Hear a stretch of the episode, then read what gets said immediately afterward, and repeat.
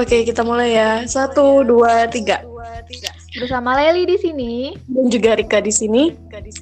kita kembali lagi ke podcast kesayangan kita di Fikum.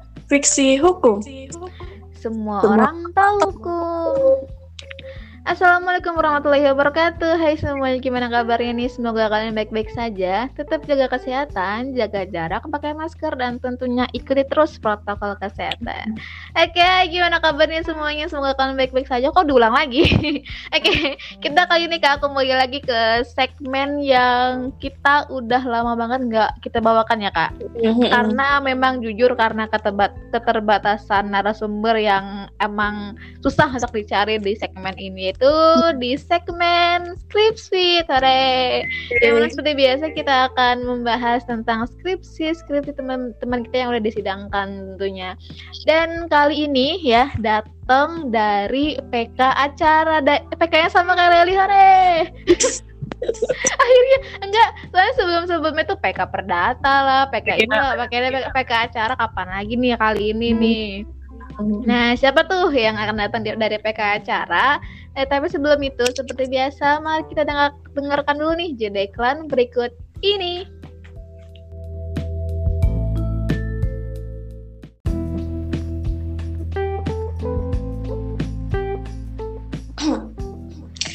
Yap, terima kasih teman-teman yang udah mau dengerin iklan dari kita ya. Emang hari ini kita lagi seneng banget ya, Lai, karena kita akan membawa Aha. Script suite yang udah lama banget nggak kita bawakan. Tapi ngomong-ngomong sedikit bocoran nih, Lai. Kita hari ini akan membahas terkait dengan mediasi. Leli tahu nggak mediasi itu? mediasi bermediasi eh bermediasi Mediasi ya, mediasi. Iya media bermediasi gitu, Iya. mengumpulkan pihak-pihak yang mungkin dalam permasalahan gitu, eh, berkumpul satu tempat untuk membicarakan masalahnya dan mencari jalan keluar kan kayak gitu ya pada intinya. Iya, iya, iya, iya, iya, benar-benar kok, Le. Untuk lebih eh, ininya ya, kita tanya langsung aja ke narasumber ya. Mm-mm. Telah hadir saat ini di Fiksi Hukum yaitu Muhammad Yogi Firdaus. Halo Yogi. Hai, Yogi di sini. Hai. Apa kabar Yok? Siap, alhamdulillah. Oke, ini eh, ju- jujur Yogi adalah orang yang mungkin malu-malu kucing gitu ya. Asal jangan malu-maluin. Enggak lah, enggak lah dia Yogi nggak malu-maluin. Oke, langsung ya aja ya kayak kita eh, nanya-nanya nih judul skripsinya Yogi apa? Judul skripsi ini Mm-mm. judulnya itu ketentuan etikat baik pada proses mediasi dalam relevansinya dengan gugatan dinyatakan tidak dapat diterima. Hmm. Oke.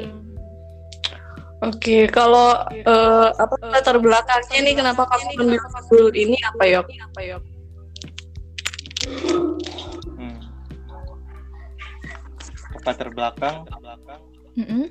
singkat jalan jel- jelaskan. Iya. Intinya, Oke. Eh, sekarang ini mediasi ada mediasi yang wajib. Sebelumnya kan mediasi itu eh, apa itu namanya? Alter- cuma sebagai alternatif penyelesaian sengketa. Kalau sekarang itu jadi wajib jadi bagian dari proses litigasi di pengadilan. Ini Oke. ini khusus di per, anu per, perdata. Oke. Oke, oke. Oke, Hmm. siap. Di peraturan Nah. baru ini di per- Mm-mm. ada eh, peraturan baru lah ibaratnya yang mengatur tentang etikat Ya. baik di aturan tadi itu. Aturan etikat baik ini tujuannya untuk eh, meningkatkan keefektifan keberhasilan mediasi yang ada di pengadilan. Mm-mm. Namun dalam ketentuan itu tuh eh, ada akibat hukum bagi pihak apabila dinyatakan tidak beretikat baik. Nah, bagi penggugat itu akibat hukumnya gugatannya menjadi tidak dapat diterima apabila gugatan apabila penggugatnya tidak beretikat baik seperti itu. Mm-mm. Oke. Nah, dapat anehnya di mana lah? Dapat apa? Anehnya di mana? anehnya di mana? Nah, di sinilah, di sinilah. Mm-mm. Hmm, anehnya itu, kenapa bisa eh, pihak itu menyatakan eh di, diberikan hasilnya itu apa ya? Bukan sanksi sih, akibat hukum Mm-mm. yang menyebabkan gugatannya tidak dapat diterima Mm-mm. karena dia tidak bertingkat baik pada proses mediasi. Mm-mm. Sedangkan eh, akibat hukum gugatan tidak dapat diterima itu eh, banyak sih penyebabnya.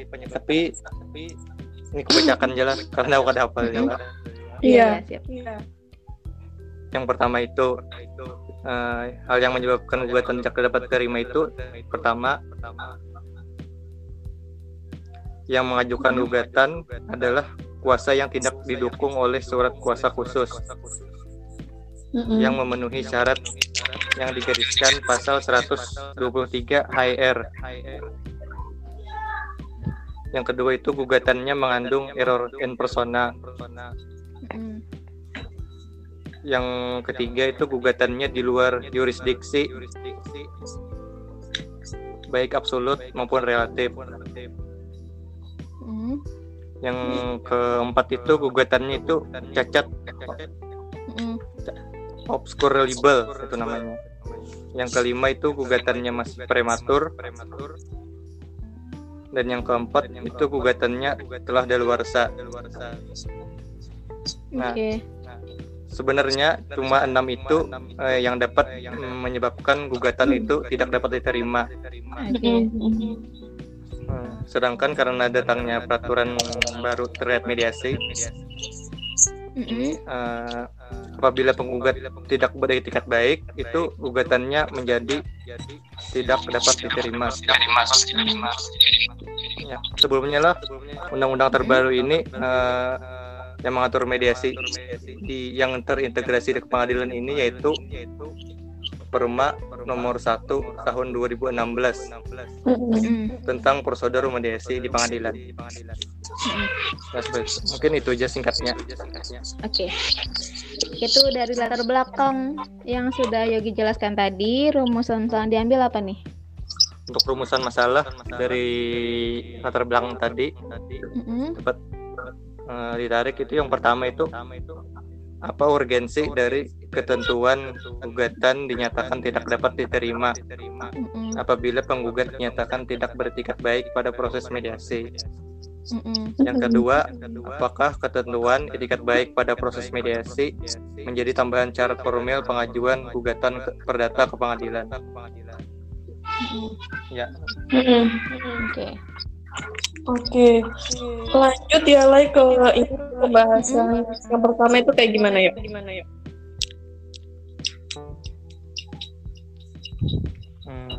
Untuk pembahasan latar belakang yang pertama, Mm-mm. apa urgensi dari ketentuan gugatan dinyatakan tidak dapat diterima apabila penggugat dinyatakan tidak beretikat baik pada proses mediasi? Mm-mm. Hmm, dari penelitian ini yang aku temukan lah tingkatnya ketentuan ini itu eh, untuk mendorong keseriusan pada pihak khususnya penggugat dalam menyelesaikan seng- sama ketentuan ini salah satu sebagai salah satu upaya eh, agar perundingan mediasi itu menjadi lebih efektif dan efisien karena keikutsertaan langsung para pihak. Mungkin itu aja cuma itu ada alasan yang terkhusus kenapa dipilihnya eh, gugatan tidak dapat diterima itu yang menjadi akibat hukumnya seperti itu. Mm-mm. Mm. Kenapa nggak yang lain gitu ya? Akibat Iya. hukumnya Iya. kenapa harus itu? Terus itu yang pertama eh, yang pertama. Terus yang kedua? untuk latar belakang yang kedua itu tadi apakah ketentuan etikat baik pada proses mediasi menjadi tambahan syarat formil pengajuan gugatan perdata ke pengadilan dari di latar belakang tadi sebenarnya terlihat ya sudah. Bahwa eh, seharusnya ketentuan ini tidak menjadi eh, hal yang menyebabkan gugatan itu tidak dapat diterima. Singkatnya. Oke. Eh, ya karena alasan tadi. Karena ini gugatan yang tidak diterima itu permasalahan ini yang bermasalah itu ada pada sebuah gugatan. Artinya gugatannya itu ada yang ada ada kurang ada cacat atau ada yang error. Sedangkan ketentuan etikat baik itu permasalahannya itu pada sikap pada pihaknya bukan pada gugatannya. Jadi bisa dibilang cukup aneh jadi seakan menyalahkan menjadikan gugatan menjadi salah seperti itu Iya iya. Oke oke. ya mungkin Oke, seperti itu ya jadinya ya. Oke, kita lanjut ke sesi tanya jawab ya kak. Bisa Hmm. Rika mulai? Iya. Aku mau nanya ini ya dulu. Sebenarnya konsep etikat baik ini kayak gimana sih dan tindakan apa yang mencerminkan bahwa kita itu nggak beritikat baik pas mediasi? untuk eh, etikat baik ini ada kriterianya yang termuat dalam pasal 7 ayat 2 ini aku bacakan aja lah Iya. Siap. undang-undangnya oh ya sebelumnya etikat baik di sini berbeda lah dengan etikat baik seperti yang diketahui sebagai umum itu Mm-mm. asas perjanjian. Hmm, ini hmm, beda lagi. Nah, pada pasal 7 ayat 2 itu ada eh, sekitar lima poin Oke. yang menyebabkan itu para pihak menyatakan dia tidak bertikat baik. hmm, Itu yang poin pertama, pihak itu tidak hadir setelah dipanggil secara patut dua kali berturut-turut dalam pertemuan mediasi tanpa alasan yang sah. Yang kedua, menghadiri pertemuan mediasi pertama, tetapi tidak pernah hadir pada pertemuan berikutnya meski telah dipanggil secara patut dua kali berturut-turut tanpa alasan yang sah.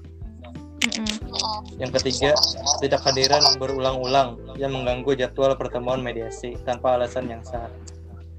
Yang keempat itu menghadiri pertemuan mediasi tetapi tidak mengajukan atau tidak menanggapi resume perkara pihak lain.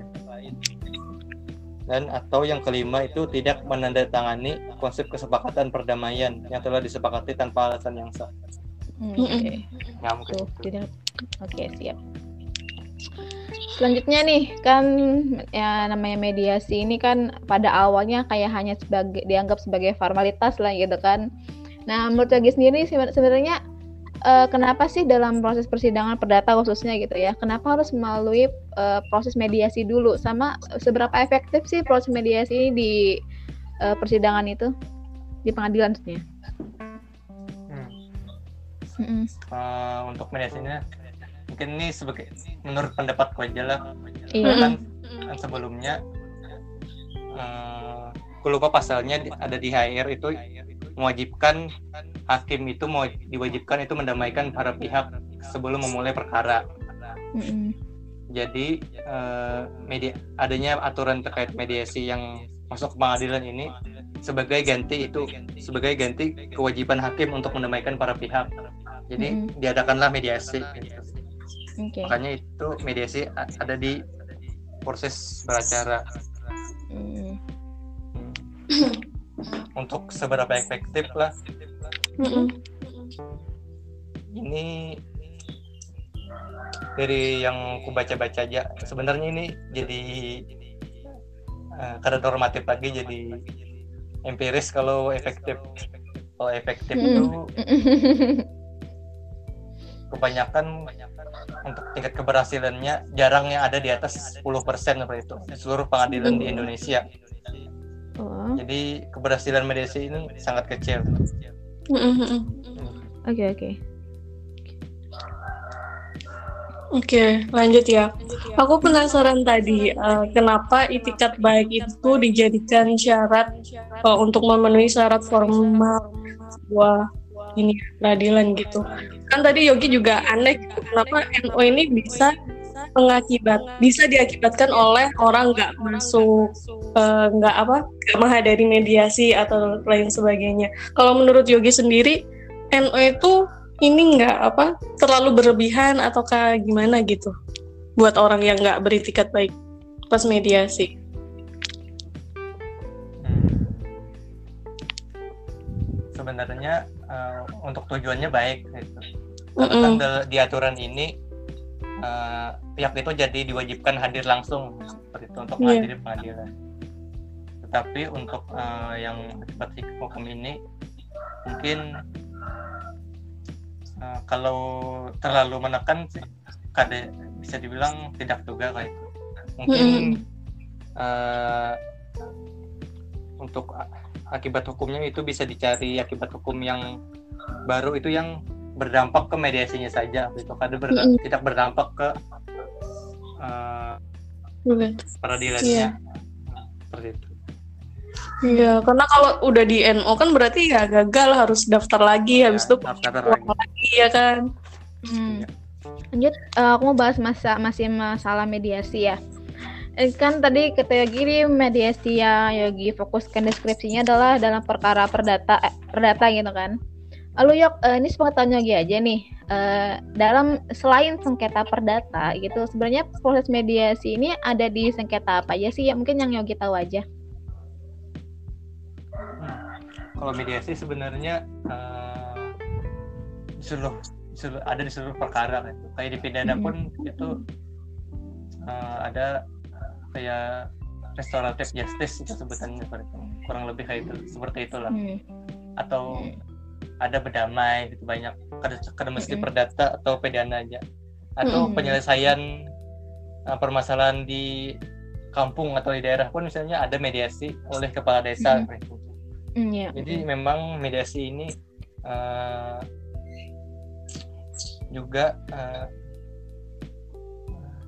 sering dipakai seperti itu untuk penyelesaian masalah. Apalagi kan ada juga uh, Pancasila sila keempat itu musyawarah mufakat seperti itu untuk menyelesaikan masalah. Iya. Intinya itu. Mediasi sebenarnya ada di segala hal untuk uh, hal pertama yang dilakukan untuk menyelesaikan suatu masalah. Mm-mm. Oke. Ini ya, aku mau coba menganalogikan nih ya. Misalnya nih, penggugat sama tergugat. Ternyata dalam mediasi itu yang nggak beritikat baik itu tergugatnya nih yok. Berarti eh, mediasinya itu gagal dong ya, tapi tetap berlanjut ke persidangan. Nah, ternyata pas di pers- persidangan itu ternyata yang pen- yang menang itu pihak dari tergugat yang nggak beritikat baik tadi. Nah, apakah di situ hakim tetap memutus bahwa tergugat ini membayar apa denda atau apa dari medi dari dia yang nggak beritikat baik tadi Hmm, ya. Terus tetap bayar ini eh, meskipun seakannya mediasi ini terintegrasi ke pengadilan, sebenarnya terlihatnya eh, berbeda lah itu antara mediasi dengan proses litigasinya. Mm. Jadi tergugat itu yang menyatakan tidak beretikat baik itu tetap harus membayar biaya mediasi. Hmm. Meskipun Apa pun yang terjadi, dalam apa- apa pun yang terjadi di pengadilan itu.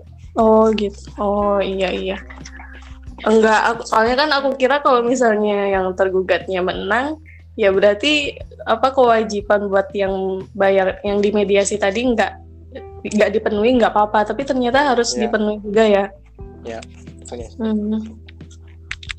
Oke. Ya. Oke, ini mungkin sebenarnya pertanyaan sebelum tanya Rika ya harusnya. Jadi sebenarnya aku mau mau menegaskan atau me- menanyakan gitu loh. Sebenarnya apa sih akibat apakah sama nih akibat hukum apabila penggugat tidak beretikat baik dengan tergugat tidak beretikat baik apakah sama-sama akan terjadi akibat akibat hukum yang sama atau ada perbedaannya nih, Yok? Mungkin bisa jelaskan. Hmm, berbeda. Eh, itu untuk yang menyatakan gugatan tidak diterima itu apabila penggugatnya yang tidak beretikat baik. Apabila tergugat tidak beretikat baik itu eh, cuma dikenai membayar biaya mediasi. Ya sama kalau kedua pihak yang tidak keduanya kedua pihak yang tidak beretikat baik eh, juga menyebabkan gugatan tidak dapat diterima.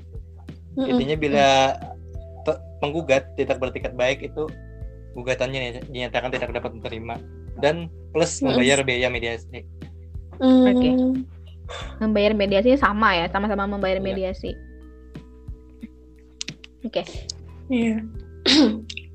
tapi katanya aku pas lihat di peraturannya kan uh, ini ya hakim mediatornya itu dapat diangkat jadi hakim pemeriksa perkara juga.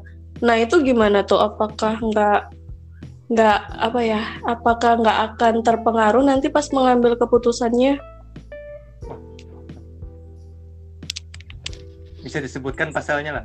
Setahu.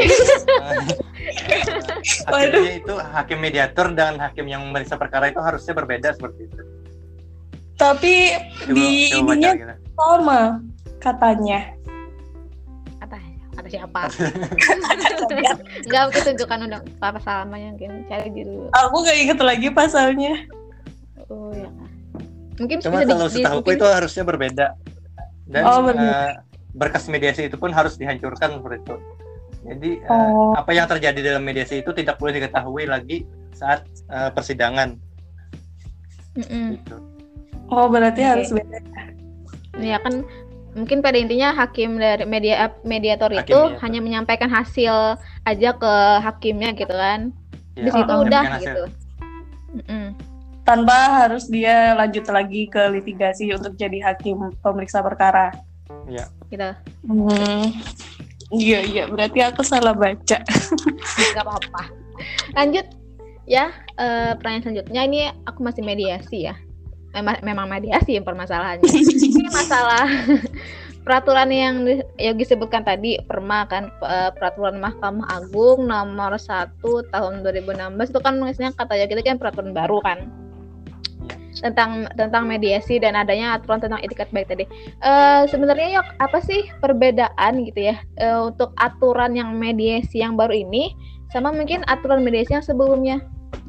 Perbedaannya apa apa aja sih yang kita tahu? kalau perbedaannya itu intinya setiap peraturan yang baru itu selalu uh, ketentuan ada ketentuan yang bertambah gitu. Kalau yang pada peraturan perma yang nomor 2 tahun 2003 kalau tidak salah itu uh, cuma mewajibkan mediasi ke pengadilan dan apabila mediasi tidak dilakukan uh, gugatannya itu batal demi hukum eh gugatan putusannya itu bisa batal demi hukum apabila mediasi tidak dilakukan yang mm. terus yang nomor satu tahun 2008 itu ada tambahan lagi itu peraturan tentang hakim mediator itu harus memiliki sertifikat mediator. Mm -hmm. Mm -hmm. Uh, mungkin sebenarnya banyak lagi lah uh, ketentuan-ketentuan barunya, cuma itu yang kuingat dan yang berubah lagi tadi ke yang tahun 2016 itu yang paling mencolok itu tentang etiket baik ini mm -hmm. tambahan tentang etiket baik ini mm -hmm. Oke. Okay. Oke, okay, berarti aturannya ini kan udah dari 2016 ya kan? Okay. Nah, apakah etiket baik ini masih apa efektif gitu untuk keberhasilan mediasi di persidangan? Menurut Yogi gimana? Apakah masih efektif atau enggak? Mungkin bisa efektif kalau hmm. tergantung juga sebenarnya efektif tidak efektif itu masih tergantung ke dari berbagai faktor itu masa hmm. bisa dari para pihaknya atau dari hakimnya gitu. Hmm. Sebenarnya hmm. tujuannya ada ada mediasi yang di pengadilan ini pun uh, bagus berarti itu untuk hmm. yang pertama itu yang ku tahu itu untuk men, untuk mengatasi penumpukan perkara di pengadilan dan Mahkamah Agung. Uh, yang kedua itu uh, ada kan asas dalam peradilan perdata itu uh, biaya ringan, cepat dan mudah ya intinya seperti itulah. Mungkin kalau mediasi ini uh, dengan adanya mediasi kalau dan itu berhasil akan baik seperti itu. Mungkin ya ke depannya aturan terkait mediasi ini bisa ya diperbaiki lagi mungkin hmm. sebenarnya baru sudah bagus hmm. okay. asal perlu banyak perbaikan lagi ya benar ya mungkin kalau yang uh, masalah efektivitas yang etikat baik ini mungkin lebih ke kayak istilahnya penggugat ini udah capek-capek buat gugatan, udah, yeah. udah membayar kuasa hukum gitu kan, masa mm. masa gugatan tidak diterima kayak sia-sia yeah. gitu kan, pastinya mm. ada peningkatan lagi dari penggugat. Iya benar-benar. kalau ini kan tadi belum seharusnya ditanya di awal sih, yang berwenang untuk ini melakukan penil- penilaian apakah pihak ini beri tiket baik atau enggak itu siapa yang menilai? Hmm, itu eh, hakim mediator, hakim mediator, mediatornya Hmm, melihat, melihat melihat dari kriteria tadi apabila tidak Mm-mm. memenuhi kriteria tadi itu ya nyatakan Mm. tidak bertikat baik Oh, yang iya. disampaikan yang disampaikan ke hakim pemeriksa perkara Hmm. Mm-mm. Oke. Ini eh, udah kak, oke nggak satu, lagi deh. Aku penasaran nih. Ini dari ini menurut Yogi aja nih. Kita kan kata Yogi tadi kan kalau eh, masalah penggugat ini tidak beretikat baik, ya. terus eh, gugatan nyatakan tidak dari apa menjadi gugatan tidak dapat diterima gitu. Menurut Yogi mungkin ini agak eh, keberatan mungkin ya men- menurut pandangan aku dan menurut Yogi nih selain akibat hukumnya ini mungkin ada saran untuk akibat hukum yang lain gitu. Misalkan gugatannya apa gitu. Ada nggak? Hmm, sebelumnya kalau keberatan mungkin eh, lebih tepatnya Nggak itu juga. eh, kayak aneh gitu nah kan ah. itu juga menimbulkan banyak kejanggalan mungkin kan tadi Mm, beda hal yang menyebabkan gugatan tidak diterima sama yang ketentuan etikat baik tadi. Mm, mm.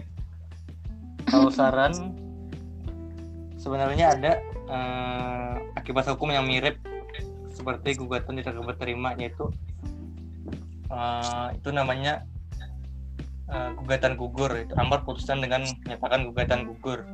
Mm-mm. itu terjadi apabila eh, para pihak eh para pihak atau salah satu pihak itu tidak hadir pada proses persidangan. Mungkin itu dikatakan bisa lebih tepat meskipun di sini berbeda antara kehadiran di mediasi dengan kehadiran di saat pemeriksaan perkara gitu. kalau yang akibat hukum amar putusan gugur ini eh, apabila para pihak itu tidak hadir pada eh, pemeriksaan perkaranya pada Mm-mm. proses pemeriksaan perkaranya gitu. mungkin itu eh, apa istilahnya itu bisa lebih eh, lebih relevan lah penggunaan eh, akibat hukum dengan amar putusan gugatan gugur daripada amar putusan gugatan tidak dapat diterima. Mm, mm. katanya mungkin kat, mungkin simpel kayak katanya aja yang beda. Cuma eh, itu kalau yang digunakan itu seperti itu. Lebih tepat oke. Gitu.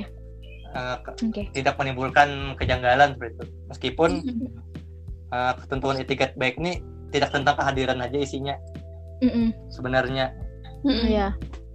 Iya. kalau mungkin gugatan gugur lebih tepat tapi mungkin bisa lebih tepat lagi bisa dengan eh, ke- kurang tahu juga lah bisa akibat hukum baru itu yang terputus mediasi ini Oke. Oke, bis- istilahnya jangan sampai gugatan tidak diterima gitu, dia akan diterima gitu ya, yang lain gitu. Kalau misalnya kita nih udah di NO ya, habis itu kita kada terima karena kita kada ya pokoknya kada menerima kalau kita dikatakan tidak beritikat baik. Nah itu kawalah menggugat kayak misalnya di pengadilan ada namanya pra peradilan, kalau di mediasi adalah namanya pramediasi. Banget. Eh, aku lupa juga ada di pasal berapa ada di undang-undang ini Ih, juga kalau eh, ada untuk eh, putusan dari mediasi ini itu tidak ada upaya hukum apa pun seperti itu. Hmm, Jadi apabila gugatannya dinyatakan tidak diterima, ya satu-satunya mengajukan gugatan baru. hmm, Boleh, Oke. boleh mengajukan gugatan baru dengan materi pokok yang sama. hmm, iya iya. Kalau aku kan nambah syarat anu ini lagi proses peradilan pramediasi. Mm-mm. Jadi in- intinya kan permain kan bagus gitu loh yang awalnya mediasi hanya dianggap main-main sebagai formalitas aja gitu nggak datang ya nggak apa-apa gitu. Sudah sekarang menjadi sesuatu yang wajib untuk dilakukan gitu para pihak. Bagus. Sudah sebenarnya. Mungkin kata Yogi tadi mungkin ada yang aneh gitu ada yang janggal kenapa harus kayak gini? Gitu mungkin gitu. Oke Iya. mungkin kita lanjut Kak, ke penutup ya. Ya Yogi, eh, selanjut ke Cecil ya. Kesimpulan dan saran dari skrip Yogi, silahkan. Kesimpulan yang pertama itu ketentuan tentang etiket baik pada Perma nomor 1 tahun 2016 tentang prosedur mediasi di pengadilan adalah untuk mendorong keseriusan para pihak, khususnya penggugat, dalam menyelesaikan sengketa di antara mereka. Ketentuan ini juga merupakan salah satu upaya agar perundingan dalam mediasi bisa berjalan lebih efektif dan efisien karena keikutsertaan langsung para pihak dalam prosesnya. Bermediasi dengan etiket baik para pihak diharapkan dapat meningkatkan keberhasilan mediasi tanpa harus berperkara di muka pengadilan. Terus kesimpulan yang kedua itu putusan dengan putusan dengan amar gugatan tidak dapat diterima disebabkan karena adanya kesalahan atau kekurangan dalam gugatannya dalam hal ini hmm. dapat dikatakan bahwa ketentuan tentang kriteria pihak yang dinyatakan tidak bertikat baik itu tidak menyebabkan gugatan menjadi cacat formil sehingga ketentuan mengenai akibat hukum terhadap penggugat yang dinyatakan tidak bertiket baik dalam Perma nomor 1 tahun 2016 ini uh, tidak menambah syarat formil pengajuan gugatan perdata ke pengadilan. Artinya akibat hukum tidak diterimanya gugatan penggugat karena nyatakan tidak bertikat baik itu dia katakan kurang tepat. Kalau saran itu yang pertama sekiranya akibat hukum dari dinyatakannya para pihak tidak bertikat baik sebagai penegasan bahwa prosedur mediasi ini wajib ditempuh sebelum perkaranya diperiksa di muka pengadilan. Tidak hanya tegas ke peng tapi juga ke pihak tergugat agar tujuan adanya ketentuan etiket baik ini menjadi lebih efektif lagi. Gitu. Yang kedua itu akibat hukum penggugat yang dinyatakan tidak beretiket baik dengan dijatuhi amar putusan gugatan gugur dapat dikatakan lebih tepat daripada dijatuhi dengan amar putusan gugatan tidak dapat terima atau no karena akibat hukum dengan amar putusan gugatan tidak dapat terima itu dijatuhkan apabila gugatannya yang bermasalah atau memiliki cacat formil. Sedangkan jika yang hmm. dipermasalahkan itu adalah kehadiran para pihak, dalam hal ini penggugat, maka putusan dengan amar put gugatan gugur lebih tepat digunakan meskipun ketentuan kriteria yang dinyatakan tidak bertiket baik itu tidak hanya berarti tentang kewajiban kehadiran para pihak saja. Mungkin itu uh, kesimpulan saran eh, kesimpulan dan saran dari aku. Oke, okay. siap. Oke, okay, kita akhiri podcast uh, hari ini dengan berakhirnya tadi uh, kesimpulan dan sarannya yang Yogi sampaikan. Uh, Li dan Reka tentunya terima kasih kepada Yogi yang telah bersedia hadir pada hari ini. Sama-sama. Ya, semoga nanti di lain kesempatan bisa bertemu lagi di episode yang akan datang. Laili, Rika, dan Yogi juga uh, mohon maaf nih kepada kawan-kawan apabila selama kami per podcast ada salah kata dan perbuatan. Dan buat kalian yang pengen gabung juga ke podcast Fiksi Hukum di segmen Hot Pot, Curol ataupun Script Sweet, silakan silakan aja hubungi Laili dan Rika di Instagramnya di @fiksi.hukum. Ingat, skripsi jangan hanya disimpan dan dibukukan, tetapi sebarkan agar bermanfaat. Jangan lupa juga sampaikan kritik dan juga saran kalian ke Fiksi Hukum. Sampai jumpa di episode selanjutnya. Tetap di Fikum. Fiksi Hukum. Semua, Semua orang tahu hukum. Bye. Di balik podcast. Oke. Okay. Rasa sidang kedua kali. santai, santai, santai. Waktunya masih banyak. Banyak sebenarnya.